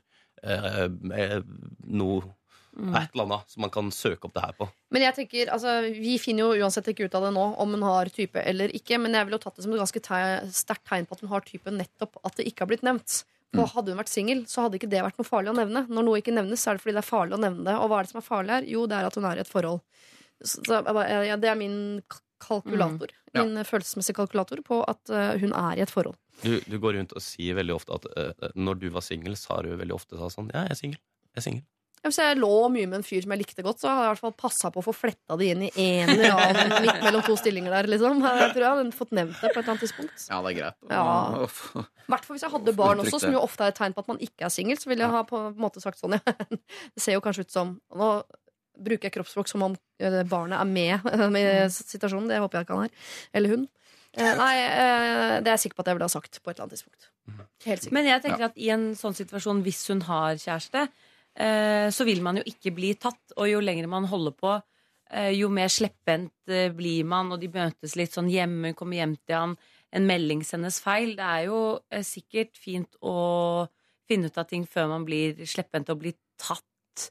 Og så blir det eventuelt en eller annen partner som blir dritsur, og så får de på jobben vite, og så kan du havne i en veldig ubehagelig situasjon. Ja. Det er jo en eh, veldig vanskelig ting å, å ta opp, selvfølgelig, men jeg tenker at han, han må jo snakke med henne om dette her. Ja. På et eller annet tidspunkt. Han må rett og slett uh, si uh, Du, hva er det vi holder på med? Åh, det er den samtalen Ja, han er redd for, ikke sant? forferdelig den samtalen. Ja. Men, uh, men jeg tror han må gjøre det. Han har jo eh, han, han skriver jo mer følelsesmessig involvert, så han Ja. har jo allerede følelser. Det er det liten tvil om. Han syns dette er kjempespennende, Ja. kjempegøy, og det gjør det jo enda vanskeligere, selvfølgelig. Jeg tenker altså, Han lurer jo på om han gjør noe galt, om han har noe ansvar, eh, om han skal kutte henne ut, eller eh, om han bare skal fortsette å kose seg med henne, eh, osv. Men jeg tenker at for å svare på de spørsmålene, så må man vite situasjonen rundt for å vite hva man risikerer. For hvis Mm. hun er i et forhold, så må han vite Ok, du i et forhold, vil jeg allikevel risikere å involvere meg følelsesmessig når jeg vet at hun antageligvis ikke blir min? Jeg bare tenker at før vi kan svare på hva han gjør, og hva han skal gjøre videre, og sånn, så må man vite liksom Ja, man, Man må vite hvilken plattform man står på, og hvilke, uh, hva man risikerer, hva hun risikerer. Og hva man, man må vite hva man driver med, før man kan si om det er riktig eller galt. Da. Jeg har et veldig godt sånn tips sånn, i forhold til å ta den praten. Da, hvis han Ja. skal ta den praten Det, at, det her gjør jeg alltid hvis jeg skal prate om noe viktig. Og det er sånn, så sier jeg sånn Ja, jeg har tenkt litt på det. Ikke at det er noe stress, altså. veldig, veldig smart. Da tenker jeg altså, Hvorfor nevner du ordet ikke- stress? Er det veldig stress, eller? Ville jeg tenkt, da. oh, ja, oh, ja, Okay. Ja. Ja, det er derfor det alltid går til helvete, ja. Okay, Ja. ja. mm. Så jeg ville ikke brukt den setningen. Da. Hvis ikke jeg har stress, så må du ikke nevne ordet stress. For det er det eneste jenta hører da, er verken ordene foran eller bak. Ordet, ordet stress, stress, stress, stress. stress. Er det sånn det funka? Ja, det er litt sånn det funker. Jeg uh, var redd for du skulle si når du skal ta på den vanskelig. Ta det på melding. Send det på SMS. Nei, det her har jeg diskutert før på rådet, og det er, det er, det var veldig imot melding. Ja, det, er ikke sånn, Det er bedre altså. enn ingenting, da. Ja, det er Hilsen en som har sendt en del meldinger med ting jeg ikke orker å ta opp. Jeg mener at eh, SMS er en, eh, høy, eh, altså er en kommunikasjonsform med høyere verdi enn hinting. Så hvis man ikke Ja. kan ta en face-to-face-konfrontasjon, så heller SMS enn å drive og hinte og rote. Og det er, Nei, ja, nei, ja, jeg ender bedre enn ingenting, fordi at jeg har øh, Det er jo folk som bare kutter tråden. Ja. Det er forferdelig. Forferdelig. Mm. Da blir det heller en SMS. Jeg liker deg ikke så godt som du gjerne vil at jeg skal like deg. Jeg, jeg tror det er bedre at folk skriver øh, 'du er en øh, drittsekk', Ja. enn å ikke svare. Ja, ja, ja. ja. Enig. Ja. Enig. Da vet heier det. på- Da vet du det! Så må du gå i det. Men jeg går i meg sjæl når jeg går opp i marka og surrer rundt på Fornebu. Ok, jeg er en drittsekk, jeg. Ja. Det er, ok, Har du fått den her ofte? Har du fått Nei, jeg har aldri fått den. SMS er veldig tydelig, og nå har dere allerede kontakt på Snap. Er det noe der man kan bruke, eksempel? Hvis du, denne, ja, men hvis du ikke vil inn i den tunge praten, så spør på Snap, da. Det som er helt klinkende klart der, Erik, er at du må finne ut av faktaen i denne situasjonen før du kan ta stilling til om du behandler den riktig eller galt. Skaff meg den faktaen, send inn problemet på nytt, så skal du få passet ditt påskrevet. Dette er Lørdagsrådet På P3. P3. Vi har en ti år gammel katt som trenger noen råd. Eller er det vi som trenger råd? Katten har fått lov i store perioder av livet sitt til å drikke rett fra krana på badet. Dagen hans starter som regel med å henge ved vasken i håp om at noen setter den på, slik at det renner en perfekt liten stråle. Han har vann tilgjengelig i en skål ved siden av maten i boden, men eh, hvis han virkelig lider, så går han i sluket i dusjen i håp om å få seg noen dråper der. Han er faktisk ikke så kresen. Problemet er at nå som snøen smelter, så er potene hans våte, og skitten samler seg rundt vasken på badet, og da, ja, det må vaskes rundt der daglig. Tannbørstene våre eh, står der, og det er rett og slett litt urenslig til tider. Vi har prøvd å stenge døra til badet et par dager nå, og stenger han ute når vi selv står der inne. Han krafser på døra, mjauer når han ikke får komme inn, og henger i nærheten av badet i håp om å få lov til å komme inn. Er det slemt altså å ta fra katten vår den lille gleden i livet, eller har han bare godt av det? Jeg må nevne igjen at han er ti år, han har fått lov til å drikke direkte fra krana i mange år nå. Kallenavnet hans er Ferdinand, med vennlig hilsen Kattedama. Er dere katte- eller hundemennesker? Jeg må bare ta det først. Bare så jeg, hvis Veldig, veldig hundemenneske. veldig hundemenneske. Ja, jeg liker begge deler. Altså. Ja. ja. Nils Ingar er katt- og hundemenneske. Katt, katt og Ja. Mm. Jenny Skavlan, du er ka eh, hundemenneske. Hva med deg, Daniel? Jeg, har, eh, jeg var katt, og så har jeg gått over til hund i løpet av livet. Enig, ass. Ja. Um, Ja. Nå, nå, føler jeg, nå føler jeg litt at vi eh, blir eh, stilt til veggs her. Fordi at nå har vi hele, nesten på alle, alle dilemmaene, Ja. sagt til folk dette må dere snakke om. Ja. Da lurte, da lurte meldingsboksen oss. Jeg tenkte at nå skal vi gi dem et, et, problem hvor det ikke er et alternativ. Kommunikasjon med katt er ofte veldig veldig vanskelig. Veldig vanskelig. Ja. Her går det jo litt bare på eh, Og jeg vet ikke om det er sympati Oi, er... eller empati. Eller hva det er for noe Dere kan få se bilde av katten. Jeg har lagt ut det på Facebook-siden til eh, Lørdagsrådet. det er veldig fint. Men jeg skjønner en katt, øh, det å endre vanene til en ti år gammel katt, Ja. sånn jeg kjenner katter, vanskelig. Veldig vanskelig. Van vanskeligere enn mennesker, vil du påstå? Eller? Ja, det tror jeg. Det er jo veldig, veldig tullete å kobbe nå. Uh, jeg er helt enig. Jeg skal bare Men- si det at jeg var enig. Disse, Ja. Disse er jo som katteflest, eh, kattemennesker flest litt eh, tullete. Oi! og Det er er menneskesnobberi, det der. Ja, når det er sånn også litt sånn Vi sender inn et eh, råd på vegne av Ferdinand, og det er liksom eh, De eh, Oi, oi, eh, De setter jo denne katten og syns det er veldig gøyalt. Sikkert også at vi snakker om Ferdinand Ja. eh, her i dag. Så de er nok i stand til å installere en eh, jævlig lav kran eh, utenfor badet. Bare, Og så når folk kommer på besøk, så er det sånn Nei, det er kranen til Ferdinand. Han er så rar. Liksom. Katten vår er så rar. Men nå Er drar du alle kattemennesker under én kattekam. Ja. For det er ikke sånn at fordi man har én katt, så er man en sånn en som har bestemor man har partert i fryseren og sender 300 katter lø- gående løst. Det er jo Ja. det er forskjell på katteeiere.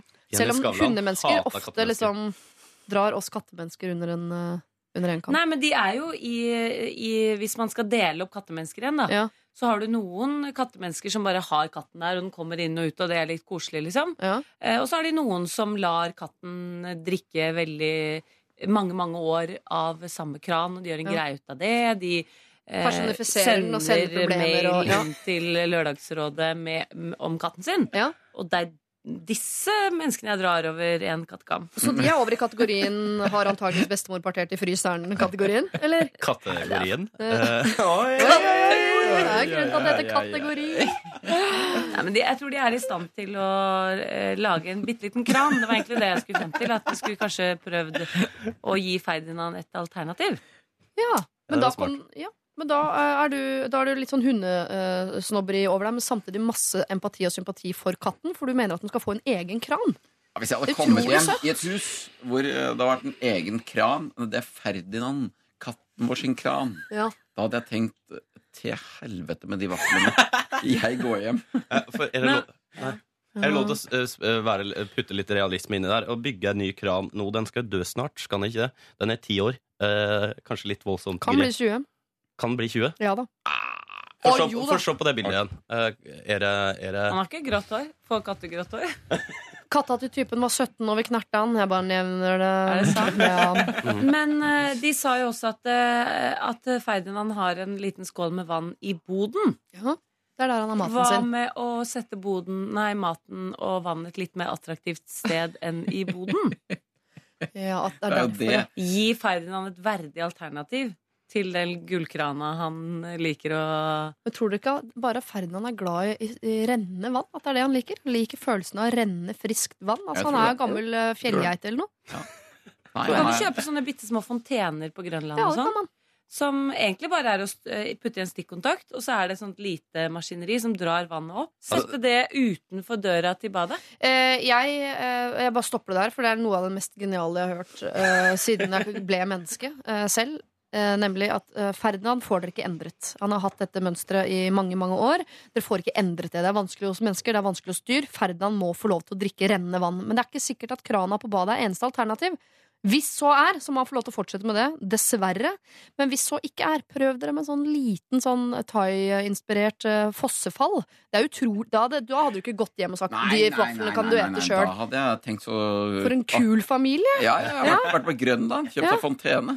Og fontene til katten og tørrfôr ved siden av. Det er Ja, jo det greiene der. Og det- høres ut som et tulleforslag, men jeg mener helt seriøst. Dere må kjøpe en bitte, bitte liten fontene hvor eh, vannet går rundt og rundt og rundt, og rundt eh, som katten kan drikke sildrende vann av hele døgnet uten å møkke til rundt der hvor tannbørstene deres står.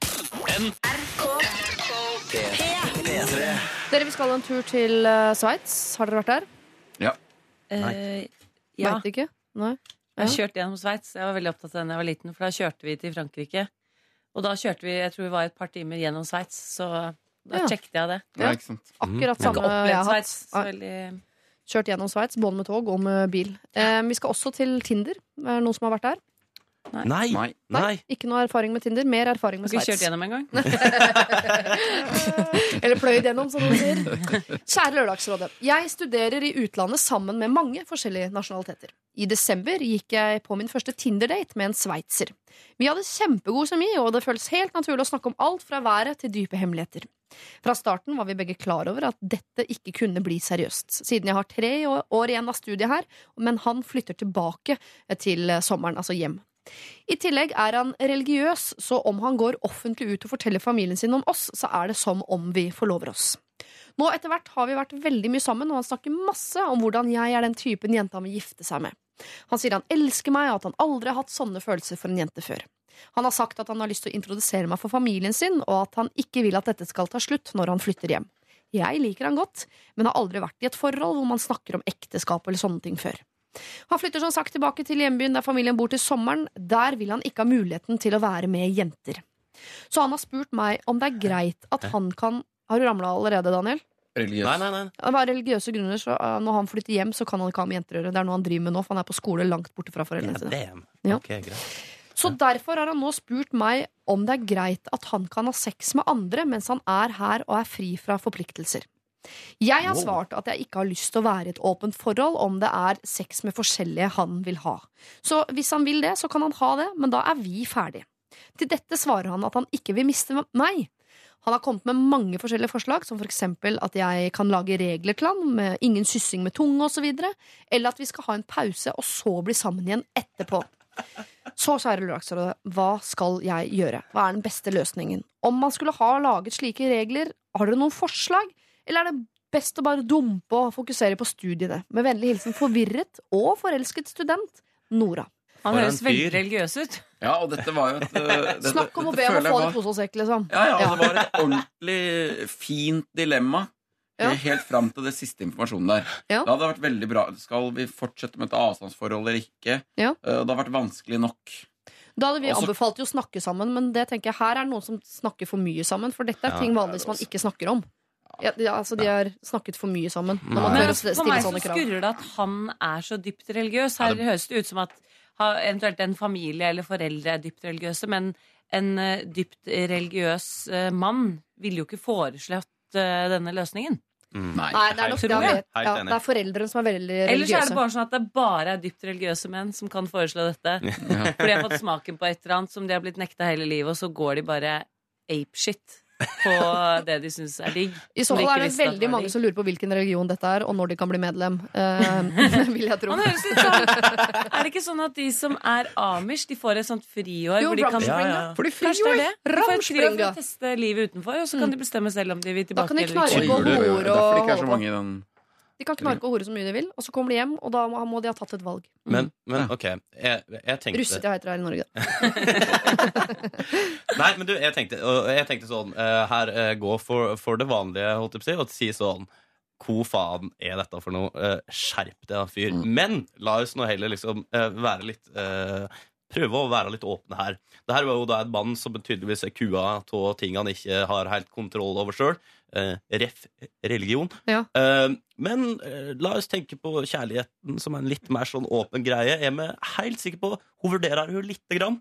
Og nå er ikke det at dette er mine personlige preferanser, det må dere kan vite alle der ute. Men la oss nå bare liksom To all the ladies out there. Ja, fortsett. Nei, jeg vil bare ikke ha det. Nei, you know. nei, nei, nei. Jeg vil bare ikke ha det på meg. girls. Ja. Jeg, jeg vil ikke ha det på meg. Uh, men men kan, jo, men kan jo tenkes at det kanskje går Kan an fungere. Ja! Eller altså, er jeg Jo, jeg helt ute og tenker sånn derre at uh, Der virka jo ganske unge, liksom sånn derre Ja, men Kan være hun også syns det er en fin løsning.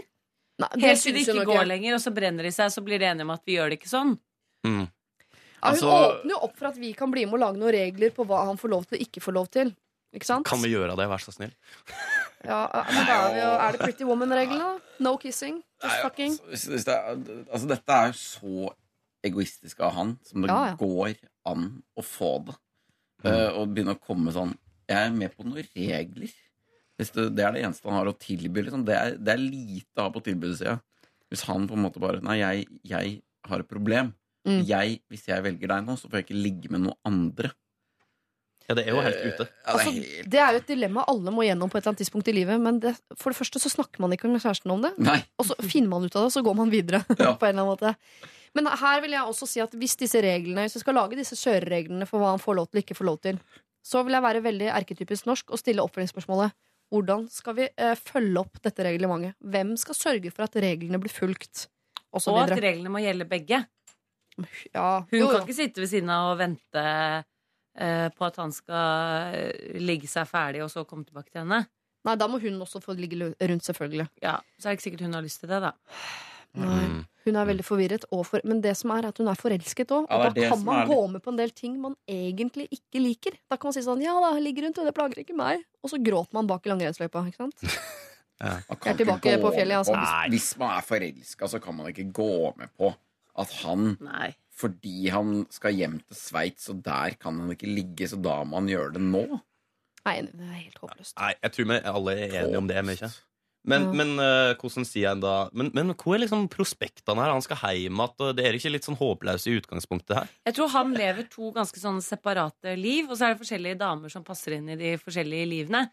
Og hun passer perfekt inn i det livet i Sveits. Hun er sånn uh, Han kan ta med seg hjem og presentere for foreldrene, og alle blir happy. Eh, men så lever han et annet liv eh, der han studerer. Hvor han ser for seg flere damer som kanskje ikke er de han tar med seg hjem til mor. Mm. Eh, og om han får lov til å liksom kombinere Jeg hadde jo ikke følt meg veldig uh, Jeg hadde ikke følt meg veldig kul, da. Hvis det var jeg som var i den situasjonen, og en mann sa bare 'vent litt, jeg skal bare ligge litt, så tar jeg med deg hjem til mor og far', liksom. Det er ikke noe hyggelig posisjon å være i. Nei, men det verste er at her? dette her, jeg tror dette problemet er mye mye vanligere enn det vi Sånn gjør han det ikke på Fornebu. Kjære Nora. Vi syns det er litt vanskelig å gi råd her, men det er ingen her som ville gått med på forslaget til denne sveitseren med at han skal få lov til å ligge rundt, og så skal du få lage noen regler, eller du skal vente, og så kan dere bli sammen etterpå, eller noe sånt. Det kan du rett og slett ikke godta. Du må si nei, nei, nei, og så er valget over på hans banehalvdel. Du har sagt nei, og så får han velge, da, om han vil ha i pose eller i sekk.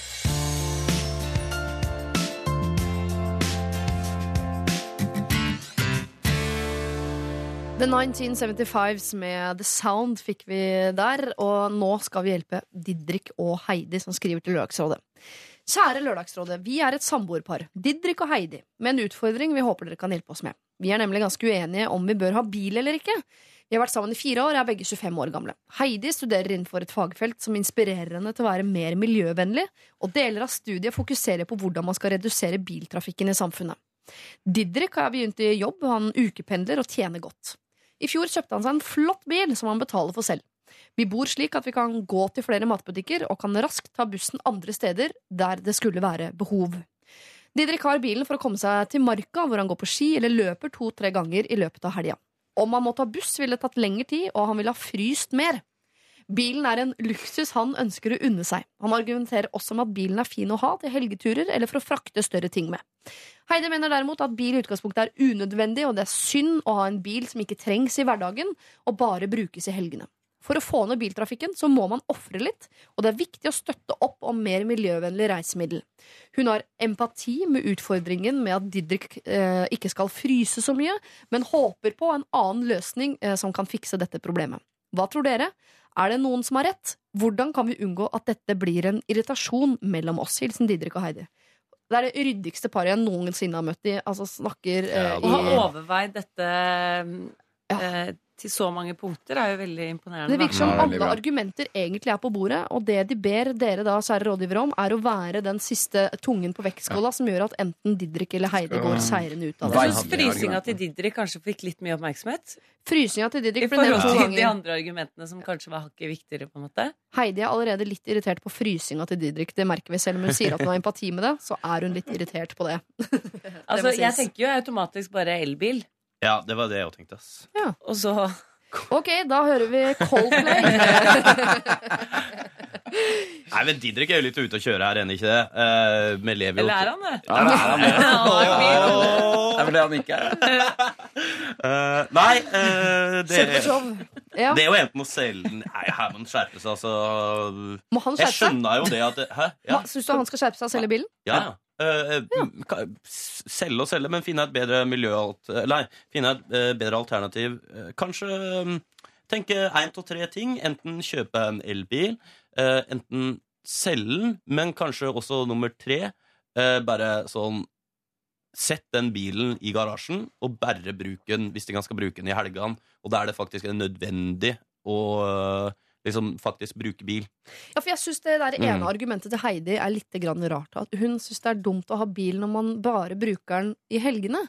Så virker det som hvis du først skal ha bil, da skal du bruke den jævlig mye. Altså, det Det er egentlig litt bra. virker som det har vært greit for Heidi hvis han bare har kjørt mye mer og forurensa mye mer. Det er den småforurensninga i helgene hun har litt problemer med. Ja, det, det, må, det må handle om penger, da. At det koster mye. Liksom, at det, det er dyrt å ha en dyr bil som bare står der. Er det det? Ja, det må jo være det hun mener. Nei, jeg tror Heidi bare er opptatt av miljøvern, for dette er Ah, Didrik sin bil. Han betaler, han har jobb, han Ja, har penger. Mm.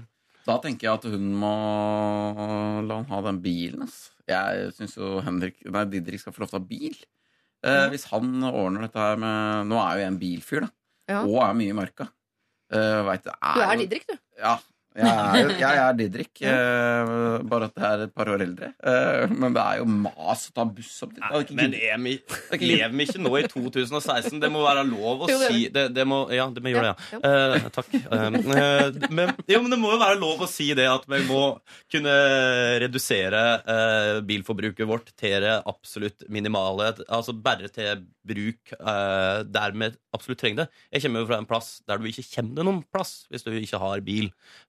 Det går buss en gang om dagen og sånt. Så, der, eh, så jeg har jo kjent på det at eh, at han kan faktisk trenge den bilen, men jeg skjønner ikke hvorfor han trenger å bruke den oppe i marka. Kan du ikke bruke Nei, det er ikke enig. Kollektivt. Jo, Ja. ja, ja. Bare sånn Du skjønner ikke at byfolk trenger bil. Nei, men, men Det gjør vi jo egentlig ikke. Nei, vi gjør jo ikke Nei. det. Nei, Men det er jo, og er ikke det lov å si? At Jo, eh, Skjerp deg, holdt jeg på å si. Det, det her er Og- egoistisk og tullete. det. Men nå dukker det opp nye sånne løsninger eh, som er sånn at eh, mange mennesker deler på bil og sånn. Bilkollektiv, ja. Bilkollektiv. Mm. Eh, hvor det står fem biler i et nabolag som du kan via en app reservere når du trenger den og sånne ting. Det bruker Eh, jeg. og dette er et uh, ungt par som sikkert er uh, veldig engasjert på digitale flater og bruker apper og det som er. Så de er jo et perfekt par til å faktisk bli med på en sånn delebilløsning. Ja. Det syns nok Didrik borte på hjørnet her er litt sånn masete. Ja, men det, Fordi da, da er ikke den Da veit om han ikke at den er tilgjengelig akkurat når han vil ha den bilen. ja. Men et av hovedargumentene for folk som eh, kjøper seg bil og blir glad i bilen, for oss som har en liten Didrik i oss, da, er jo friheten ved å ha bil. Som eh, Ja. betyr når som helst kan jeg sette meg i en bil og kjøre hvor som helst. Ja. Og det er en luksus som jeg er enig at hvis man skal ta eh, dette miljøhensynet, så er det en luksus man ikke kan unne seg. Eh, da, Med mindre man har en elbil. med mindre man har en elbil. Jeg tenker at Ja. Det nærmeste vi kommer Jeg syns det er et fint uh, forslag med, bo, nei, med bilkollektiv. Ikke bokollektiv i tillegg. Det blir for mye Uh, da. Det orker jeg ikke. Didrik og Heidi har vært irriterende å bo med. tror jeg. Ja, det tror jeg ikke går. Ja, det det. Nevn det for Didrik Heidi, at det fins bilkollektiv, og rynker han på nesa av det, så er han kanskje en litt mer privat type som har lyst på bilen sin for seg sjøl. Det er greit, men da må du nevne elbil, og er ikke villig til å gå med på det eller, så er han en fyr som ikke er villig til å inngå noen kompromisser. Og da har vi et problem. Jo, det ja. Og da må dere sende de- inn problemet deres til. Ja. Nei, Nei, men eh, altså, Hvis jeg hadde bodd midt i byen, og det eneste stedet jeg kjørte var opp og ned til Marka, så er jo elbil et fantastisk alternativ. Prøver du nå å redde deg inn sånn moralsk her? Ja. Jeg har eh, Hvordan bil er du? En uh, svær uh, bil som går på diesel og forurenser masse. men så flyr den masse i tillegg, så Ja, det er enda verre enn det. Ja. Ja. Kjører bil til Gardermoen, så flyr jeg. Ja. Eh, Heidi og Didrik. vi- Her er, vi har Didriker til stede her som forstår veldig godt eh, behovet, eller ønsket om et bil. Kanskje ikke behovet, men ønsket om bil skjønner vi veldig veldig godt. Og når Didrik har kjøpt sin egen bil med sine egne penger, så kan du på en måte ikke nekte han det, Heidi.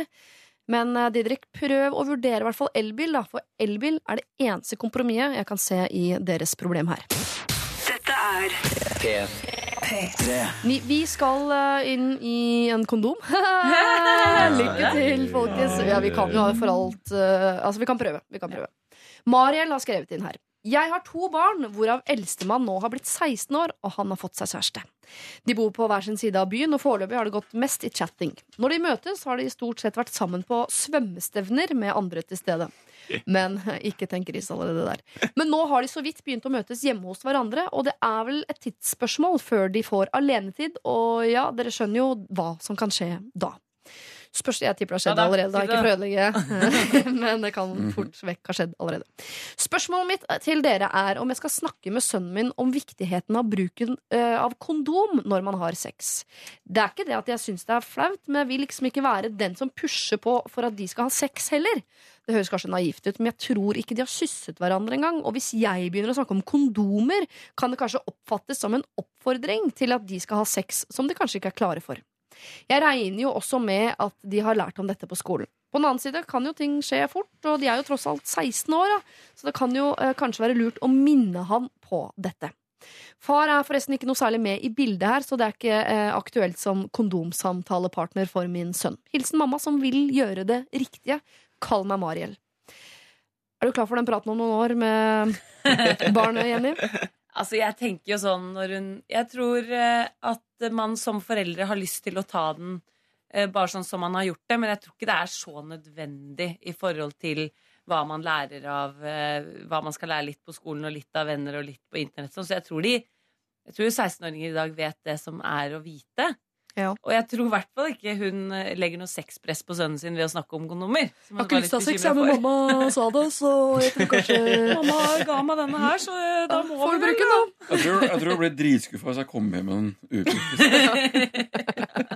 Vi må bruke den! Jeg kan ikke komme hjem med ubrukt kondom. men Mamma ga den til meg, og jeg har ikke lyst. Jeg føler meg altfor ung, men ok, da.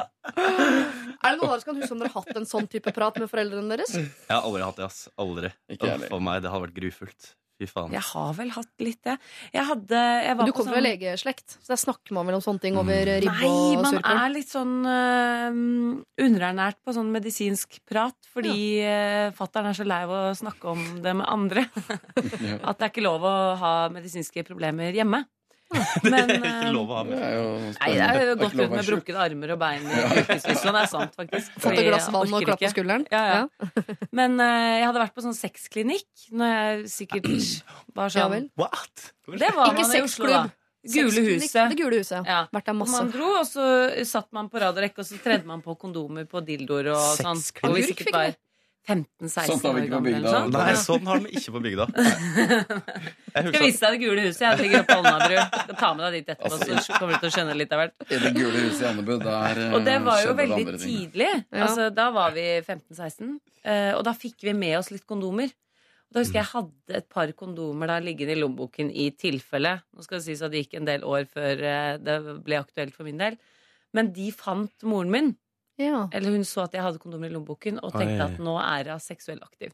Og nå må jeg prate med henne. For jeg skulle møte en venninne ved fotballbanen der jeg bodde. Så da trodde hun at jeg skulle møte noen og bruke de kondomene. så hun lagde jo sånn eh, Og jeg gikk oppover, da, og så kom mutter'n løpende etter og liksom Jenny, nå må vi prate sammen. Og jeg var bare sånn Æsj! Selvfølgelig skal jeg ikke bruke det. Og det mente jeg jo, men hun trodde jo virkelig at jeg var på vei til et sånt liggemøte ved fotballbanen da jeg var liksom 15. Mm. Oi, ok, men da kan, vi Alle disse kanskje, liggemøtene.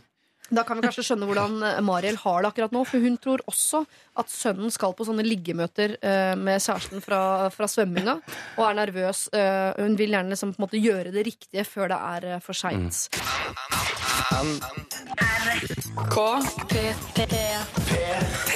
Veronica Maggio er tilbake og synger 'Den første er alltid gratis'. Og det gjelder jo også ofte kondomer, faktisk, som er det vi snakker om. Man får den første gratis på en klinikk et eller annet sted, og så bruker man den kanskje som vannballong, eller til det den jo skal brukes til, nemlig tres på agurker. Dagens rådgivere er Jenny Skavlan, Nils Ingar Odne og Daniel Kvammen. Det er jo eh, mamma Mariel her, eh, som har en sønn på 16 som har fått seg kjæreste, og hun er usikker på om hun skal ta denne kondompraten med han. Eh, ingen her som har hatt kondomprat med foreldrene sine, bortsett fra deg, Jenny, som hadde en litt klein kondomprat med mor, som trodde du skulle på sextreff på fotballbanen for noen år siden. Et år siden. Så søtt. Altså, når, når, når foreldrene var unge, da De må jo hente det der fra et eller annet sted. Det må ha skjedd mye. Mm, Var det liggemøter overalt, eller? Ja, ja. Ja, det tror jeg på 60-tallet. På Det var det 60-tallet? eneste ja. langt, eh, liggemøte. selv For å komme på konseptet liggemøter, på en måte. Ja. Ops. Men jeg tenker at den praten kan ikke skade. Og jeg tror det er kjempeviktig å lære unge gutter dette tidlig. I hvert fall nå når hun er mor da, til gutten i dette forholdet. Mm. Det er kanskje Det er jo veldig fint hvis gutten tar initiativ eh, til å ta på den kondomen, og slippe Mm. å være med på Unge mødre. Eh, for det er stress og lange innspillingsdager og altså. Men eh, jeg tenker at det kan ikke skade å ta den praten, altså. Uh, Nei, hun tror at det kan skade, for hun tror at hun da uh, inspirerer sin sønn til å gå og ligge. Nei. Er det noen som er redd for det her? Bare sånn kjapt? Nei, på Nei. ingen måte. Eh, men nå har vi vært inne på det at, liksom sånn, at vi, vi lever jo i et opplysningssamfunn, så han veit jo sikkert veldig mye allerede. Ja. Så jeg tenker at det mm, Ja, den praten, det kan ikke skade. Men jeg hadde heller gått for å kanskje istedenfor å være veldig sånn teknisk sånn Tenk hva som kan skje og sånt, så hadde jeg gått for noen sånn skrekkhistorie. Bare for å sette litt støkken inn. Mm. For eh, jeg, jeg fikk høre en sånn skrekkhistorie for en stund siden, og da ble jeg sånn wow. Det, det, altså, det, det Hva kan slags alle Hva skrekkhistorie slags skrekkhistorie? Da? plutselig så hører du om en eller annen fyr fra Hallingdal da, som plutselig er pappa til noen på andre sida av verden, holdt jeg på å si, Uh, og vært på ferie. Uh, og, og bare sånn uh, det, det, det er sånn nå kan liksom Det kan sette liksom Mm. Uh, støkken inn, da, tenker jeg. At hvis han får høre det her, at så ille kan det gå, liksom, Ja. så tenker jeg at han kan bli liksom eh, at, at det kan være veldig sånn effektivt. Ja, Ja. det er jeg enig i. For jeg har også tenkt sånn Jeg syns ikke man som foreldre nødvendigvis trenger å ta den praten om eh, hva sex er, hvordan man tar på kondom og hva det er og sånn. Den syns jeg ikke man trenger som verken mor og far å ha med barna sine. For det har de jo sett på internett for lenge siden. De vet, altså de vet hva det er. Men det man kan ta en prat om, er jo nettopp sånn uh, hvilke, hvilke konsekvenser det kan få. Litt om uh, respekt. Og ta den praten, den menneskelige praten. Men som ikke handler om teknikalitetene rundt å ta på en kondom, eller uh, hva- man bruker den til. For det tror jeg ingen har lyst til å snakke med mammaen sin om. Jeg håper ikke det. Uh, men at hun kan si noe om hva som skjer, og hva det gjør med hans liv. Hva han går glipp av da, osv. Det må jo være lov for en mor å snakke om. Mm. Bare ikke si ordet penis, eller Det er absolutt lov å, lov å snakke om. Det er jo selvfølgelig litt pinlig, både for henne og for han, men det må man jo gjennom, da. Ja. Er ikke det liksom poenget med å være foreldre? Det er at man må gjøre masse pinlige ting, så foreldre, barna dine sier sånn 'Å, kutt ut av mutter'n, du er liten nerd'. og så elsker de deg etterpå. Du er klar for å bli nerd? ja.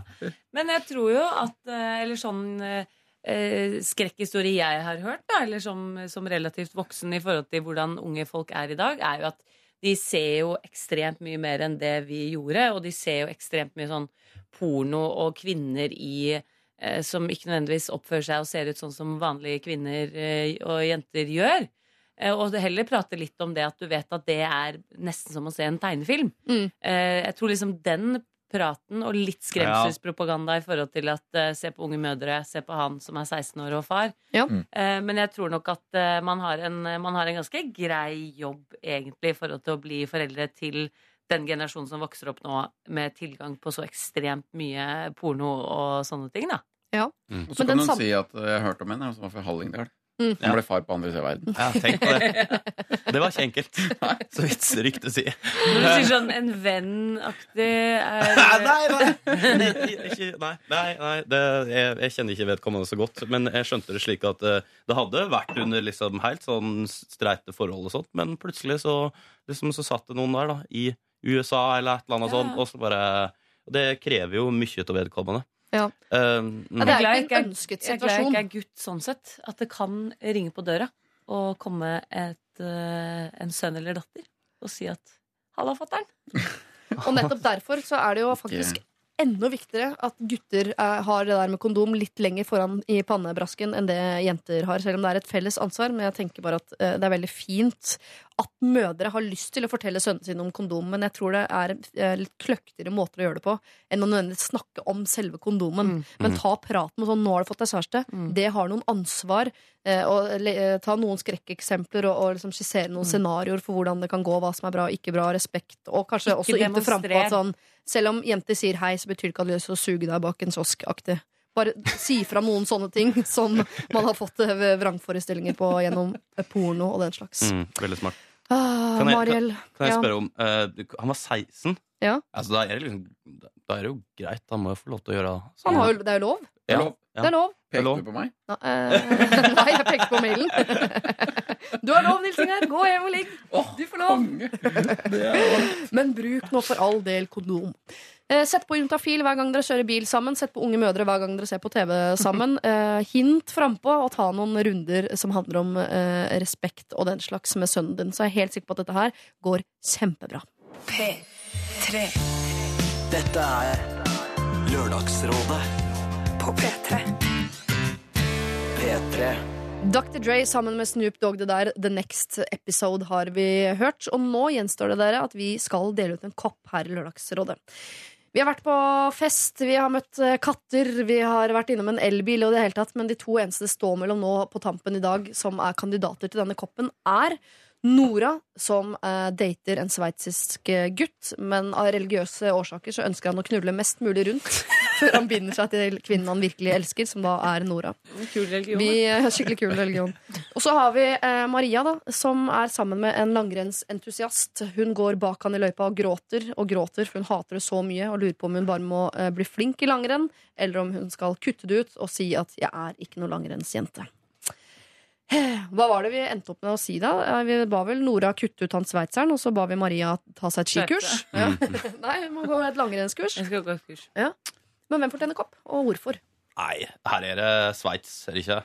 Du går for Sveits, Daniel? Ja. Det er, jo bra, Ja. for, det er selvfølgelig bra for henne å ha en kopp og så tenke at uh, han der han seilte sin egen sjø. Her sitter jeg med en kopp for meg sjæl. Koser meg. All I got was this lousy ja, Ja. teacup. Men ha- hun er jo litt koselig at hun får kopp, da. Så kan hun lage seg en kakao hjemme med den eh, koppen. Mm. Mens han typen er på ski. Så kan hun sitte og se ut i vinduskarmen. Eh, og Så hun, at du vil at hun skal bli tjukk mens han blir eh, tynn og Jeg må ta seg en liten løpetur først, da. Ja. Ja. Hva om vi gir Maria en kopp, men vi sender den til uh, en eller annen skihytte langt opp på et fjell? Som må opp og hente den? Ja, Det er ikke dumt. Ja, det er litt slemt, da. Det er litt slemt, litt ja. slemt. Hva het hun andre med sveitseren? Nora er i Sveits, Maria er på langrenn. Ja. Nora kunne jo brukt den koppen til å bare smelle i huet på han dumme mm. Sveitseren. sveitseren. da. Eller han, han kan jo få den, og når folk Han spør han når, når folk spør han hvorfor han har koppen Nei, jeg fikk den av ei som Når jeg foreslo at jeg skulle ligge rundt. Så, Så svarte han dette. Starten på en god historie, de greiene der, men Ja, han, får- han får ikke nok da. Det må bare bruke vetoretten min. Ja. Som jeg har Jeg tror jo at uh, den Så hvis man skal se på koppen som trøst, så Ja. tror jeg at uh, langrennsjenta går det bra med. Mm. Jeg tror det der er bare å ende opp med å le av det, sånn som at man gjør seg litt til i starten av alle forhold. Eh, men jeg tror eh, fremtiden ikke er like lys for eh, Nora. La meg ligge rundt eh, Sveitser og Nora. Mm. Så jeg tror Nora eh, fortjener mer enn kopp. Og hun har kanskje litt hjemlengsel, studerer i utlandet. Syns det er litt koselig eh, med en eh, kopp som minner henne på at vi er en gjeng i Norge som Heier på henne. Er det budsjettet til NRK at den kan sendes ut Ja, er av det, den da. koppen? Ja, ja. Det går bra. Vet du hva, Vi Ja. har så mye penger. Folk sender oss jo penger en gang i året. Flere er tusen kroner. Ja, det er sant. Det er sant. Det er helt vilt. Jeg syns vi også skal gi til Nora. Eh, også, det her leste jeg på internett her en eh, dagen. Må tenke på det, som det er sier buddhismen. The end of desire is the end of suffering. Ikke sant? Det, det skriver vi på med uh, sprittusj i bånn glasset. Unnskyld. Eh, dere, tusen takk for alle gode råd dere har gitt i dag. Eh, tusen takk for at dere har vært her i tre timer. Det har vært eh, fortreffelig hyggelig. Håper dere likte bollene, druene, kaffen, eh, problemene og i det hele tatt selskapet. Eh, Lørdagsrådet er tilbake om en uke. Nye problemer, kanskje ditt. Eller alfakrøll.nrk.no er eh, adressen du bruker. Nå er det straks nyheter. Etter nyhetene så fortsetter denne fortreffelige P3-dagen med Rå og Osnes fra altså bryggekanten i Bodø. Ha det, folkens! Ha det, folkens. Ha det bra! Dette er P3. Dette er P3. P3.